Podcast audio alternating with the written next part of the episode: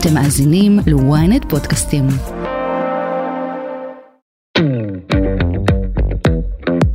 כשהייתי בקבוצה הזאת וניהלתי אותה אז אה, פוגשים המון כאב המון המון כאב ובאמת זה היה מקום שבו היו נשים שהם לראשונה יכלו לפרוק אותו זאת אומרת המקום היחיד הנוסף הבטוח שנשים יכולות לפרוק את זה זה אצל מטפל וגם זה לא תמיד כשבאות אליי נשים שמנהלות אומן לפעמים באות יש להם כבר פסיכולוג או פסיכולוגית אבל הן אומרות אה, אני לא יכולה לספר את זה שם כי ישפטו אותי אני באה אלייך כי את לא תשפטי אותי ואת הבן אדם הראשון ששומע על זה שאני מנהלת עשור אומן. כמה כאב, כמה הסתרה, כמה בושה יש סביב המקום הזה, ועל מה? על זה שהעזנו לאהוב מישהו אחר ולממש את האהבה הזאת.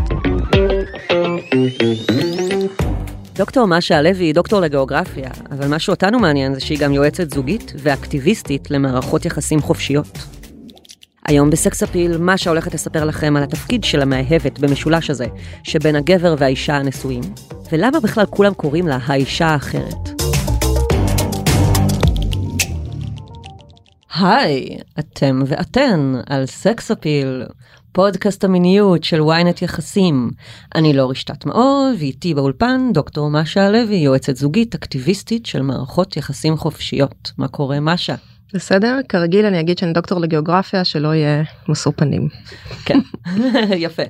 אה, את התארחת אצלי כבר בפרק על אה, מערכות יחסים אה, פתוחות ופוליומוריה, והפעם הזמנתי אותך לפרק שכבר לפני איזה חצי שנה רציתי שתבואי לדבר על המאהבת או האישה האחרת, כי ראיתי שהצטרפת בזמנו לאדמן קבוצת פייסבוק שנפתחה לצד גל ברקן, קבוצה בשם יומני האישה האחרת. וכבר אז הסתקרנתי ולא הבנתי מה לך, אישה חופשייה שמהללת את תרבות החופש והפוליומוריה והאהבות אה, ללא גבולות, לדבר על תפקיד של מישהי שבעצם אה, מנהלת את הצלע השלישית ברומן של מערכת יחסים מונוגמית. אז אה, אני אשמח אם תספרי איך הגעת לזה. אז תראי, אני הגעתי לשם לא בלי כאב בטן מסוים. אוקיי? כי אני בן אדם שכנות מאוד מאוד חשובה לו ואותנטיות מאוד חשובה לו ואני כל הזמן מדברת על זה. אה, ופה יש אה, שקר ולכן אה, זה לא היה מקום שפשוט היה לי להיכנס אליו. יחד עם זאת, יש שני דברים. הראשון הוא שמאוד קשה לי עם הרעיון החברתי שזה לא בסדר לאהוב בני אדם אחרים. זה לא בסדר להיות מינית עם הגוף שלי עם אנשים אחרים ושזה בכלל מצריך איזשהו שקר או איזושהי בעייתיות. זאת אומרת זה מראש נראה לי איזושהי בעיה חברתית שמובילה הרבה מאוד אנשים בסופו של דבר לבגוד. וזה נראה לי לא הוגן. והדבר השני הוא שבאמת ממקום לגמרי של חמלה. כי אני חושבת שמכל סיפורים של משולשי אהבה כאלה ואחרים אין יצור יותר מושמץ ושנוא מהאישה האחרת. זו אישה שאין לה אף פעם מקום בשום שום אתר שום מקום לדבר את הכאב שלה את הקושי שלה אה, ישר מתנפלים עליה ומכפישים אותה וזה מקום נוראי להיות בו בגלל שאת התאהבת במישהו. אז היה לי חשוב לתת לזה מקום. יפה. יפה. אז אה, בואי נדבר על זה מה זה אומר להיות האישה האחרת או המאהבת. אז uh, יש uh, שתי ורסיות אחת זה אישה שהיא נשואה והיא בעצם מנהלת רומן או מה שנקרא בגידה כאילו עם גבר נשוי אחר אז בעצם יש לנו איזושהי סימטריה איזשהו שוויון אה, בתוך מערכת היחסים הזאת או אה, לפעמים אישה שהיא או רווקה או גרושה שמנהלת מערכת יחסים עם גבר שהוא או נשוי או במערכת יחסים אחרת ואז זה מקום שהוא יותר קשה בדרך כלל מזה של אה, האישה הנשואה. יש גם את האופציה השלישית אישה נשואה שמנהלת רומן עם אה, גבר שהוא לא אה, נכון אבל אין גבר אחר אמרנו אה, נכון, נכון כן. כן, כן, יש מאהב בדיוק כן, יש אמור יש לבר למה לנשים קוראים האישה האחרת ואין דבר כזה גבר אחר באמת זה זה הזוי בשפה זה כבר נעוץ. כן כי עדיין עד היום הגברים זה בסדר איפשהו חברתית או לפחות יותר בסדר חברתית שהם ינהלו רומן שהם ילכו עם מישהי אחרת. אה, נשים לעומת זאת אה, כבר אה, בימי הביניים נתפסו כפתייניות. זאת אומרת יש איזו חלוקה כזאת בין לילית לבין חווה והלילית היא מסוכנת ואף גבר לא יכול לעמוד בפניה. ולכן היא מאוד מאוד מאיימת על הנשים המהוגנות החוות שנשואות לגברים הללו. וכאילו הגבר נהיה חלש. דווקא בשיחה המקדימה שאנחנו דיברנו אני פתאום חשבתי על, על זה שיש שם עניין של כוח.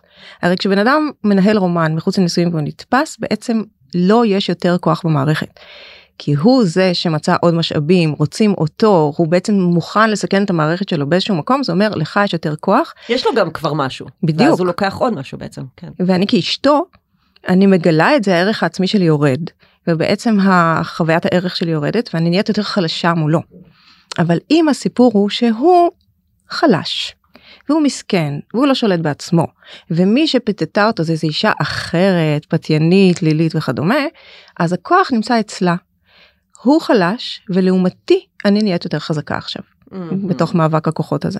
ואני חושבת שיש בזה משהו. כי אני הכועסת, ומי שכועס הוא כאילו יותר חזק במקום הזה. אני אני הכועסת ואני אתה פשוט חלש אתה אני בזה לך איפשהו על זה שאתה לא הצלחת לעמוד בזה כאילו אז אם לפני רגע אתה היית החזק אז ברגע שהיא הבעייתית הש- ההיא האחרת גם תחשבי על זה שהאחרת נכון האחר הוא זר הוא שונה הוא משהו שאנחנו מפחדים ממנו.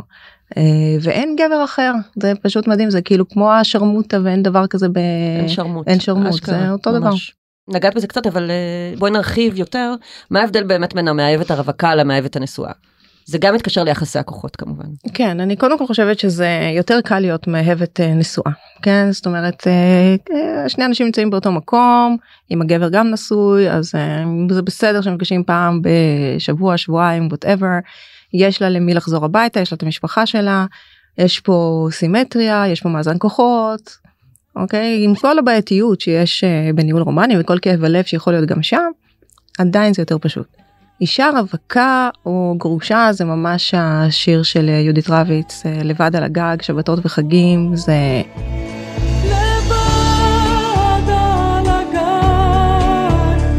שבתות וחגים.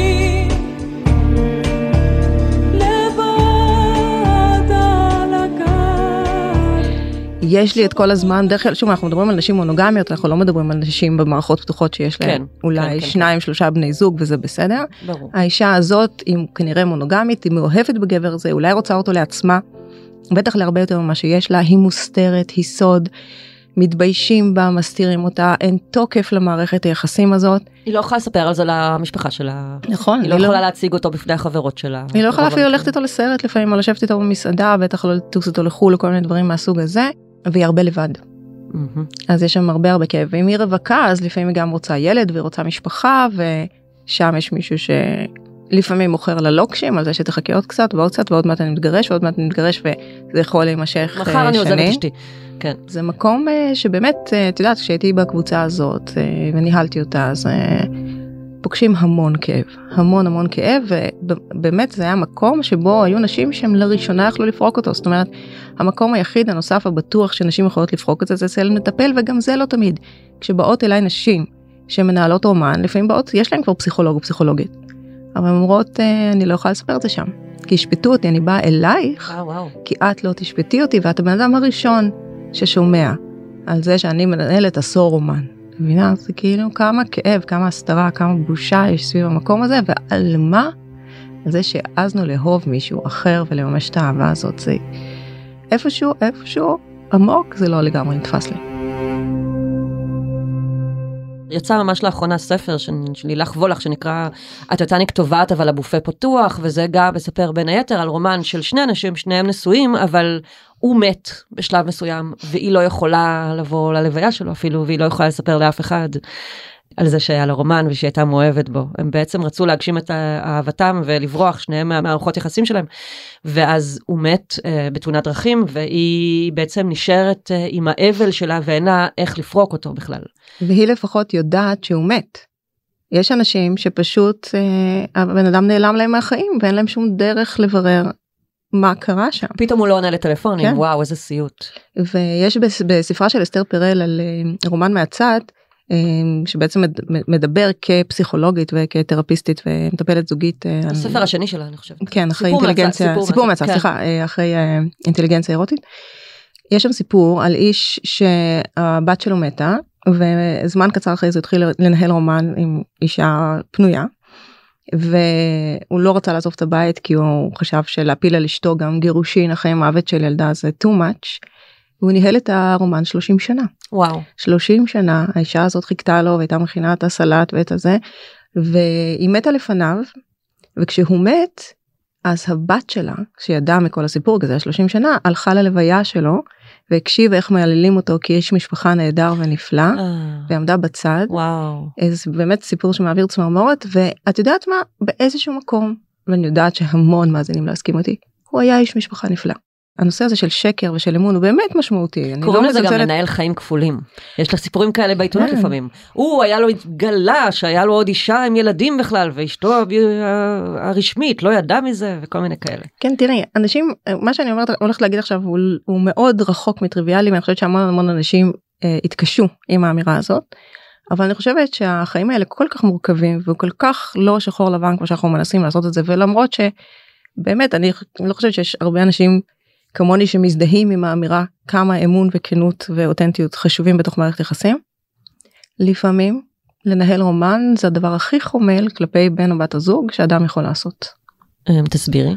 כי אם יש שם בן אדם שלא יכול לעמוד מכל סיבה שהיא הוא עכשיו אה, חולה במחלה כרונית או מחלה נפשית או הוא פשוט בן אדם מאוד חלש שלא מוכן ללכת לעשות טיפול והוא תלוי לחלוטין במערכת היחסים הזאת והוא יקרוס אם יתגרשו ממנו. ואם יבקשו ממנו לפתוח את המערכת הוא יקרוס בדיוק באותו האופן. אז לפעמים אה, אבל ש- מה מה המחיר של זה בעצם? זאת אומרת, אה, המחיר אה, תשמעי תמיד יש מחירים לכל דבר יש מחיר. אז, אז, אבל אדם בעצם נשאר עם מישהו רק בגלל שהוא לא, הוא, הוא חושב שאותו אדם לא יוכל להתמודד עם זה שהוא יעזוב אותו, זה... לפעמים ולפעמים כי הוא אוהב אותו גם ולפעמים אין מיניות בתוך המערכת וזה הדבר שחסר ואז או ואז הבן אדם מה את רוצה שהוא יחיה עכשיו 30 שנה בלי אינטימיות בלי Mhm. מיניות זה נשמע לי לא הגיוני.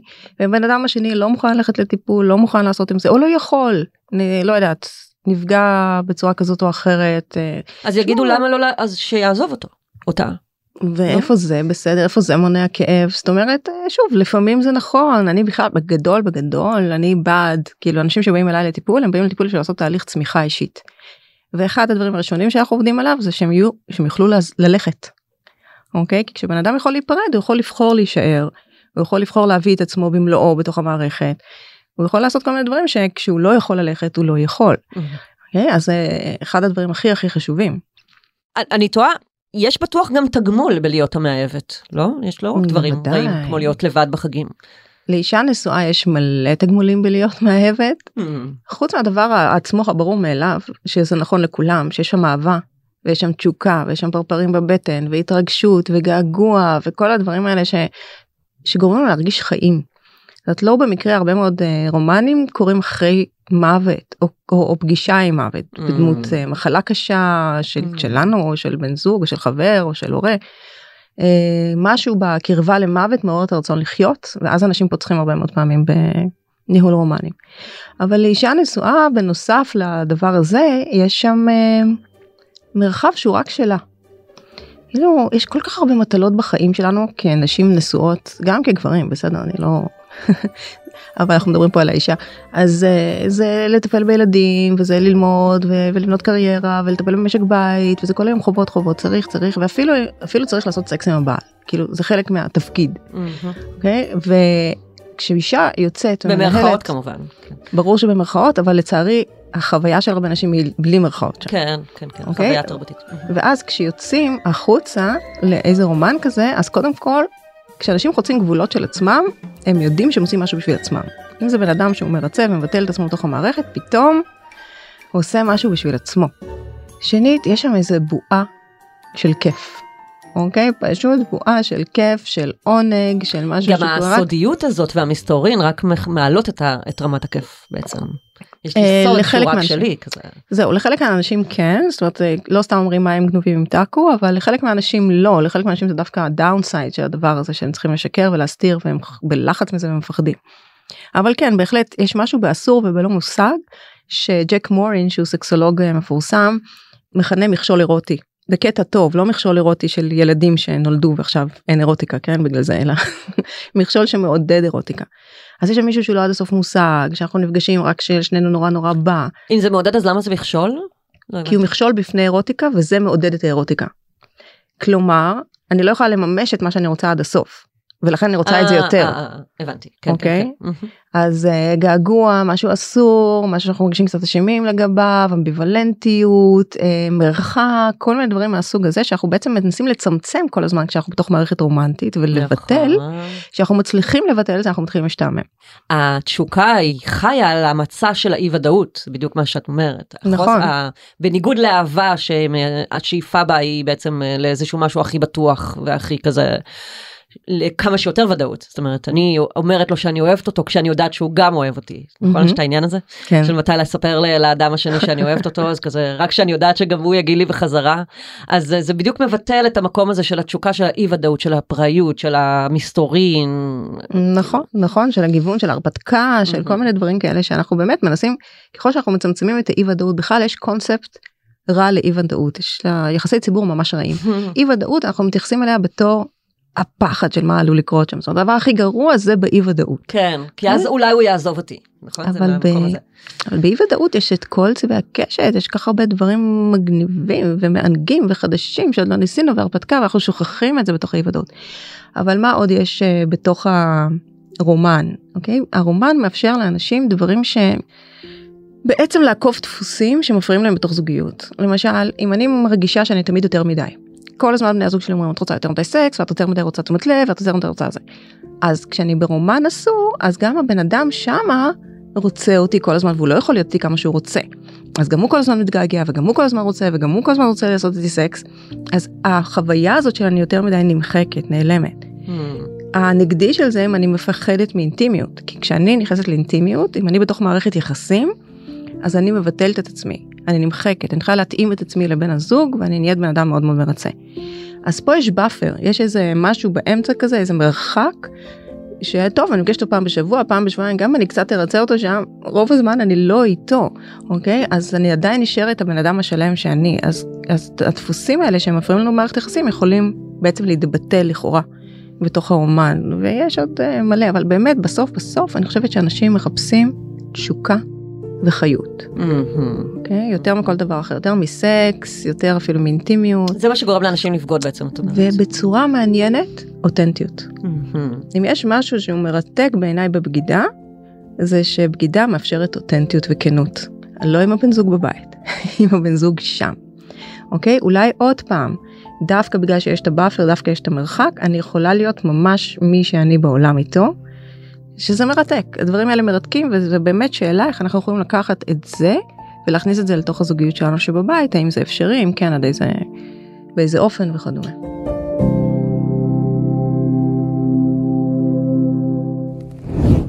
תכף ממשיכים, הודעה קצרה וחוזרים. ynet פלוס החדש עם הסיפורים הכי מעניינים ומיטב הכותבים. חודש ראשון בחמישה שקלים ותשעים בלבד. למצטרפים חדשים כפוף לתנאי השימוש.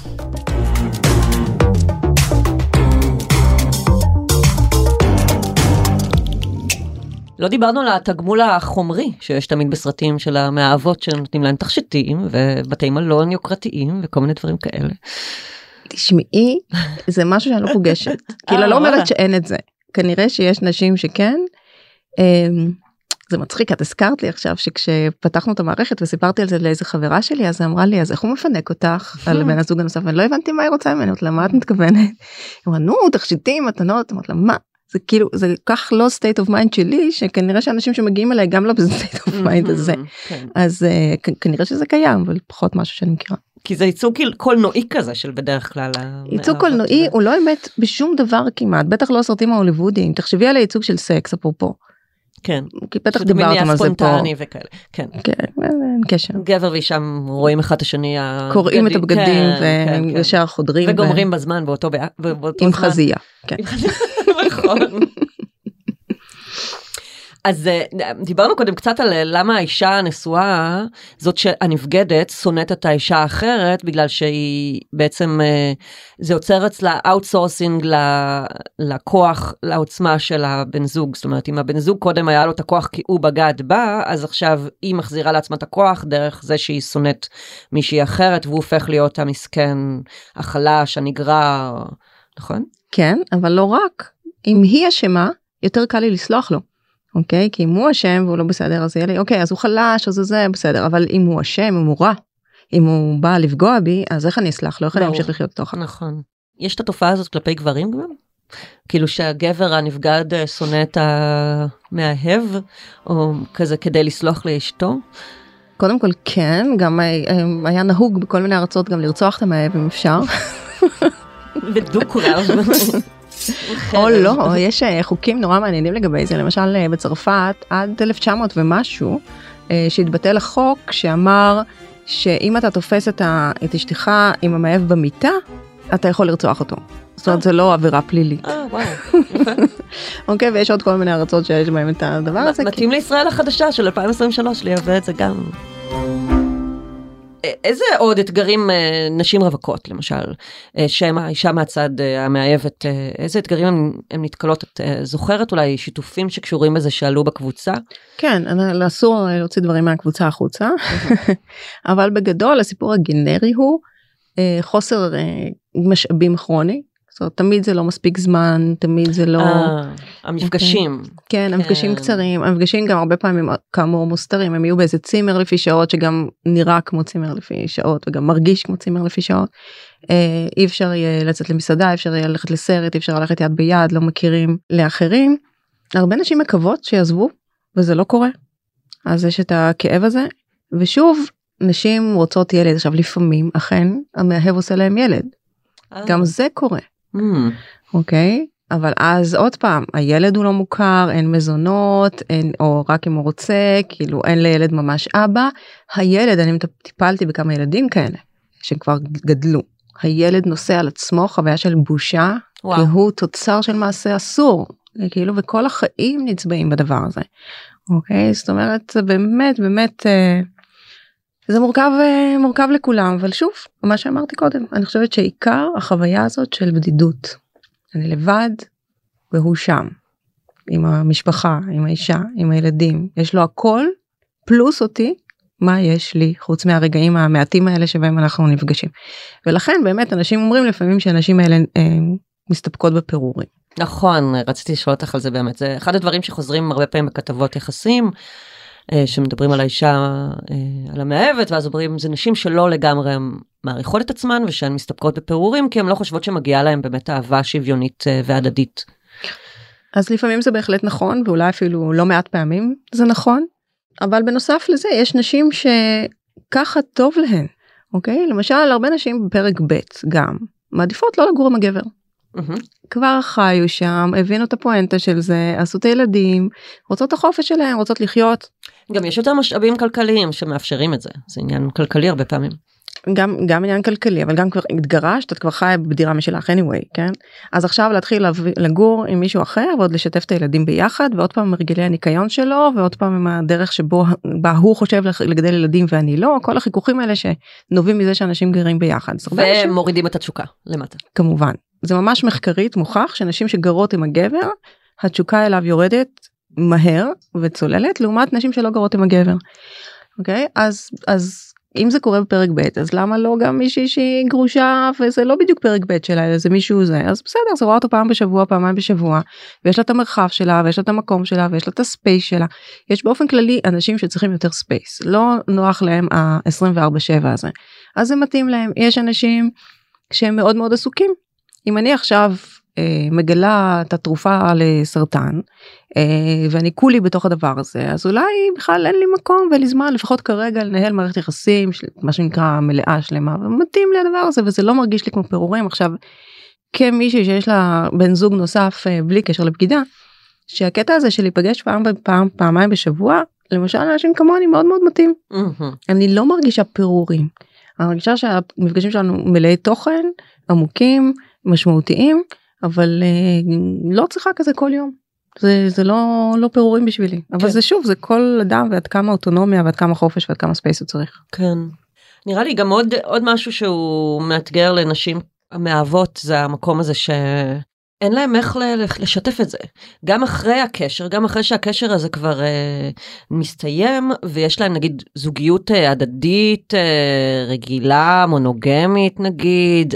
ושואלים אותם על העבר שלהם מה עשית אה, לפני שלוש שנים עם מי יצאת או הייתה לך זוגיות? ואז כאילו אם היא תספר אה אני הייתי המאהבת של גבר נשוי יכול להיות שהוא כאילו יסתכל עליה במבט אה, מאוד עקום או אפילו זה יגרום לו לתחושת דחייה עבור כאילו נכון כי יש לנו סיפור ערכי עם הסיפור הזה זאת אומרת אה, א' אם בן אדם יכול לשקר ולרמות אז מה זה אומר? אם אולי זה יקרה עוד פעם וגם אה, אנשים מפנימים את זה. המילים האלה הורסת משפחות. וואו אוקיי זאת אומרת מה? הומרקר וואו זה נורא נורא נורא נורא. כן ואגב עוד פעם אין הורס משפחות זה נכון, פשוט נכון, מדהים נכון. הקטע הזה. אבל אז אם אני הורסת מש- משפחות ולו בפוטנציה מה זה אומר עליי? אז אני כנראה בן אדם רע. אני לא בסדר אני מכשפה מאלה ששרפו על המוקד פעם אני מפלצת. ואנשים מסתובבים עם החוויה הזאת הם מפנימים את הסיפור התרבותי הזה. ולכן הם צריכים להסתיר את זה כי אם ידעו עליהם את הדבר הזה מה יחשבו עליהם בדיוק אוקיי וזה אחד הפחדים הכי גדולים ושוב זה הולך לפחד המאוד גדול להיות לבד. כי אם אני יגלו שאני רעה אם יגלו שאני כזאת אז אף אחד לא ירצה להיות איתי ואני אהיה לבד בסופו של דבר. מהמם. חוויה קשה בהחלט.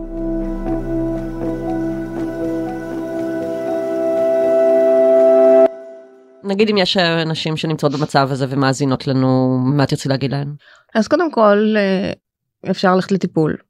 תלכו למישהו שלא שופט את זה זה לא אומר שמי שלא שופט את זה אומר יאללה תמשיכי לעשות את זה בהכרח או יגיד לך מה לעשות באופן כללי כן אבל אה, כן שווה לברר למה אני שם אם זה מתאים לי אם זה נכון לי אם זה לפי הערכים שלי. אם לא מה אני עושה עם זה. אוקיי האם אני רוצה לצאת מתוך המערכת הזאת האם אני רוצה להתגרש מבן הזוג שלי האם אני רוצה מה אני רוצה. אה, שוב כשאני עובדת עם אנשים מה שמעניין אותי זה שהם יצמחו שהם יפסיקו לפחד להיות מי שהם בעולם. שהם יהיו מספיק אמיצים ואמיתיים בשביל להגיד את זה. או להיות מי שהם זה מה שמעניין אותי ואני חושבת שאני מזמינה את האנשים האלה לעשות את התנועה הזאת ועד אז יש את המרחב הזה של יומני האישה האחרת. שהם יכולים לבוא לשם והם יכולים להתייעץ קבוצת והם יכולים פייסבוק, לבכות כן. כן ויכולים לבכות ויכולים לקבל חיבוק ומקום לא שיפוטי ואני גם חושבת שזה מאוד חשוב אני לא חושבת שאנשים יש איזו תפיסה בתרבות שלנו אה, לא יודעת אם כל שלנו אבל בטח בתרבות הרוסית שממנה אני מגיעה. שאם לא ירביצו לך ולא ישפטו אותך מה? ולא יגידו לך לא ירביצו לך וירטואלית אה, אוקיי אז את לא תזוזי. את צריכה כל הזמן להסתכל איפה את לא בסדר ואז את תזוזי ותשתני וזה כאילו לא מסתכלים על מה שטוב זה לא מעניין נסתכל רק על מה אה, שלא אדם בסדר. לא יכול להגיע למסקנה הזאת באופן עצמאי הוא חייב את החיצוניות כן שתעשה. צריך את השוט או עצמי או השוט החיצוני. אה, זה מה אוקיי. שיזיז אותו. כאילו אם אנחנו חלילה נסתכל על עצמנו בלי שיפוטיות ובחמלה אנחנו פשוט נישאר באותו מקום אנחנו לא נזוז. אמ, אוקיי? השיפוטיות היא זאת שמזיזה אותנו. הזאת. כן. וזה ממש הדבר הכי לא נכון זה נכון שלפעמים השיפוטיות מזיזה אותנו והיא מזיזה אותנו בצורה רעה. היא לוקחת אותנו להיות פרפקציוניסטים היא לוקחת אותנו לא לחמוא על עצמנו לא לנוח לא אף פעם לא להגיע ליעד כאילו אה, תמיד להיות לא מספיק. זה לא. לעומת זאת חמלה היא לא באמת משאירה את האנשים במקום. חמלה מאפשרת לבן אדם לקבל לראות את כל החלקים שלו ולזוז. אבל אז הוא יזוז ממקום אחר לא ממקום של שוט לא ממקום של שיפוטיות לא ממקום של תמיד הוא לא בסדר ולא מספיק אלא כי הוא יכול להסתכל על עצמו ולהבין מה הוא צריך מה הוא לא צריך כאילו פתאום יש לזה מרחב. ודווקא משם אנשים יכולים לזוז לפעמים זאת אומרת אני לא לא מהאנשים שמאמינים ב... בשוט אני גם שיפוטית אני בן אדם אבל כן, כן, כן, כן. ועוד מרוסיה ומה תייעצי לנשים שמנהלות רומן כבר הרבה מאוד שנים וכל פעם שמות לעצמן דדליין ואומרות די אני אפסיק את זה אני אעצור זה לא טוב לי זה אני מבזבזת את שנות הפוריות שלי זאת אומרת הן אמביוולנטיות לגבי זה מצד אחד מאוד אוהבות את הבן זוג. ומצד שני הן מבינות שבלונגרן זה לא טוב לתוכניות העתידיות שלהן זאת אומרת שאם הן רוצות להקים משפחה ודברים כאלה. אז uh, נצטרכו ללכת uh, או, או להבין אם כנראה שהן שמות דדליין ולא הולכות יש סיבה מאוד חזקה שמחזיקה אותם או אמונה כלשהי הרבה מאוד פעמים כשאנשים מתאהבים נראה להם שזאת האהבה הכי חזקה בחיים שלהם שזה האדם ושאם הם פרדו ממנו הם לא ימצאו אף אחד אחר הם לא יאהבו ככה אף פעם יותר אף פעם לא תהיה תשוקה כזאת אף פעם לא יהיה חיבור כזה וכדומה. הרבה פעמים זה לא נכון. אבל הפחד הזה מחזיק אנשים במערכות יחסים ומן הסתם כשבן אדם מתלבט אז זה אומר שיש לו צורך מאוד חזק גם באלף וגם צורך מאוד חזק בבית. אוקיי אז הם צריכים להתחיל להבין את הצרכים האלה ולראות איך הם יכולים לזוז משם הם לא יכולים לזוז לבד שווה ללכת לטיפול כי טיפול כן יכול להזיז. יפה יש משהו שלא דיברנו ושווה לך ואת רוצה להזכיר לדבר עליו. כן חשוב להגיד שגם א' פעם בוגד או בוגדת תמיד בוגד בוגדת לא נכון בסדר אה, האדם יכול לנהל רומן פעם אחת בחייו נכון. לפעמים אנשים מגיעים פוגשים מישהו באמת כאילו שמרגיש כמו נפש תאומה יש שם איזה חיבור נורא נורא חזק זה אנשים שדורסים את הערכים של עצמם עוברים את הגבולות של עצמם זה לא מי שהם ויש שם משהו חד פעמי שקורה לפעמים אנשים באמת מוצאים את אהבת חייהם מה לעשות כשהם נשואים למישהו אחר Mm. זה קורה זה קורה. אמ, שנית אה, אנשים לפעמים מנהלים רומנים כאלה כמו שאמרתי עשרות שנים. אוקיי אז ולפעמים אחד הדברים המעניינים זה שלפעמים באים אליי זוגות לטיפול שהם הצד המנהל רומן זאת אומרת אם אני מנהלת רומן איתך שנינו בוג- בוגדים לצורך העניין אנחנו באים ביחד לטיפול זוגי ומה אתם מבקשים להשיג בטיפול הזה? מה הם מבקשים? תקשורת אה, לשמור על ו- הקשר של שניהם? כן אה, לא מול השני, לא. לא מול בני הזוג הנוספים. לא מול בני הזוג אה, הנוספים מעניין. כן כבר טיפלתי בכמה זוגות כאלה וואו. שזה גם אה, מרתק כאילו איך בעצם לייצר זוגיות טובה בתנאים אסורים, מה שנקרא, כאילו במרכאות. כן וגם בעיות רגילות של זוגיות רגילה תחשבי אנשים ביחד 10 שנים 20 שנה אז יש להם בעיות תקשורת יש להם בעיות במיניות יש להם כל מיני והם עדיין הם באים לטיפול אבל, אבל הזוגיות היא בעצם מוחבאת. כאילו זה לא נכון. שהם פוליאמורים. נכון. כן. הם יכולים לממש אותם כשהם טסים יחד לחו"ל למשל, או... גם גם פה אנשים תקשיבי אנשים מנהלים חיים כפולים אנשים מנהלים משפחות כפולות לפעמים כן, זאת אומרת זה, זה אה, מזעזע. זה כאילו זה מזעזע נראה לי הכובד הזה, וה... של לא להיות באותנטיות מלאה עם כל החלקים שבך. כאילו. בטח בטח בגלל זה אני הבעיה שלי יש כמו שלהרבה אנשים יש עם רומנים היא זה שאנשים נאלצים לשקר כשאנשים נאלצים לשקר הם איפשהו עזבי את האדם האחר שבו הם פוגעים והם פוגעים כי האדם האחר חי במציאות מדומה כן. אוקיי אה, יש הרבה מאוד בעיות בתוך הדבר הזה אבל הם פוגעים בעצמם. אוקיי כי כשאני משקרת אני איפשהו מסתירה אני איפשהו אומרת לדבר הזה אין מקום בחיים שלי לחלקים האלה אין מקום בחיים שלי אני לא יכולה להראות אותם אני לא יכולה תלויה. ושוב החיים מורכבים ואני יודעת שלא תמיד זה אפשרי אבל מי שיכול ללכת לכיוון יותר כנות ויותר אותנטיות גם כשזה במחיר של כאב אני חושבת אישית שזה שווה לעשות את בלונגרן, ה- לגמרי, לגמרי, לגמרי. כן. טוב, משה לוי, היה היה לי העונג, תודה רבה. תודה רבה שהזמנתי עוד פעם איזה כיף.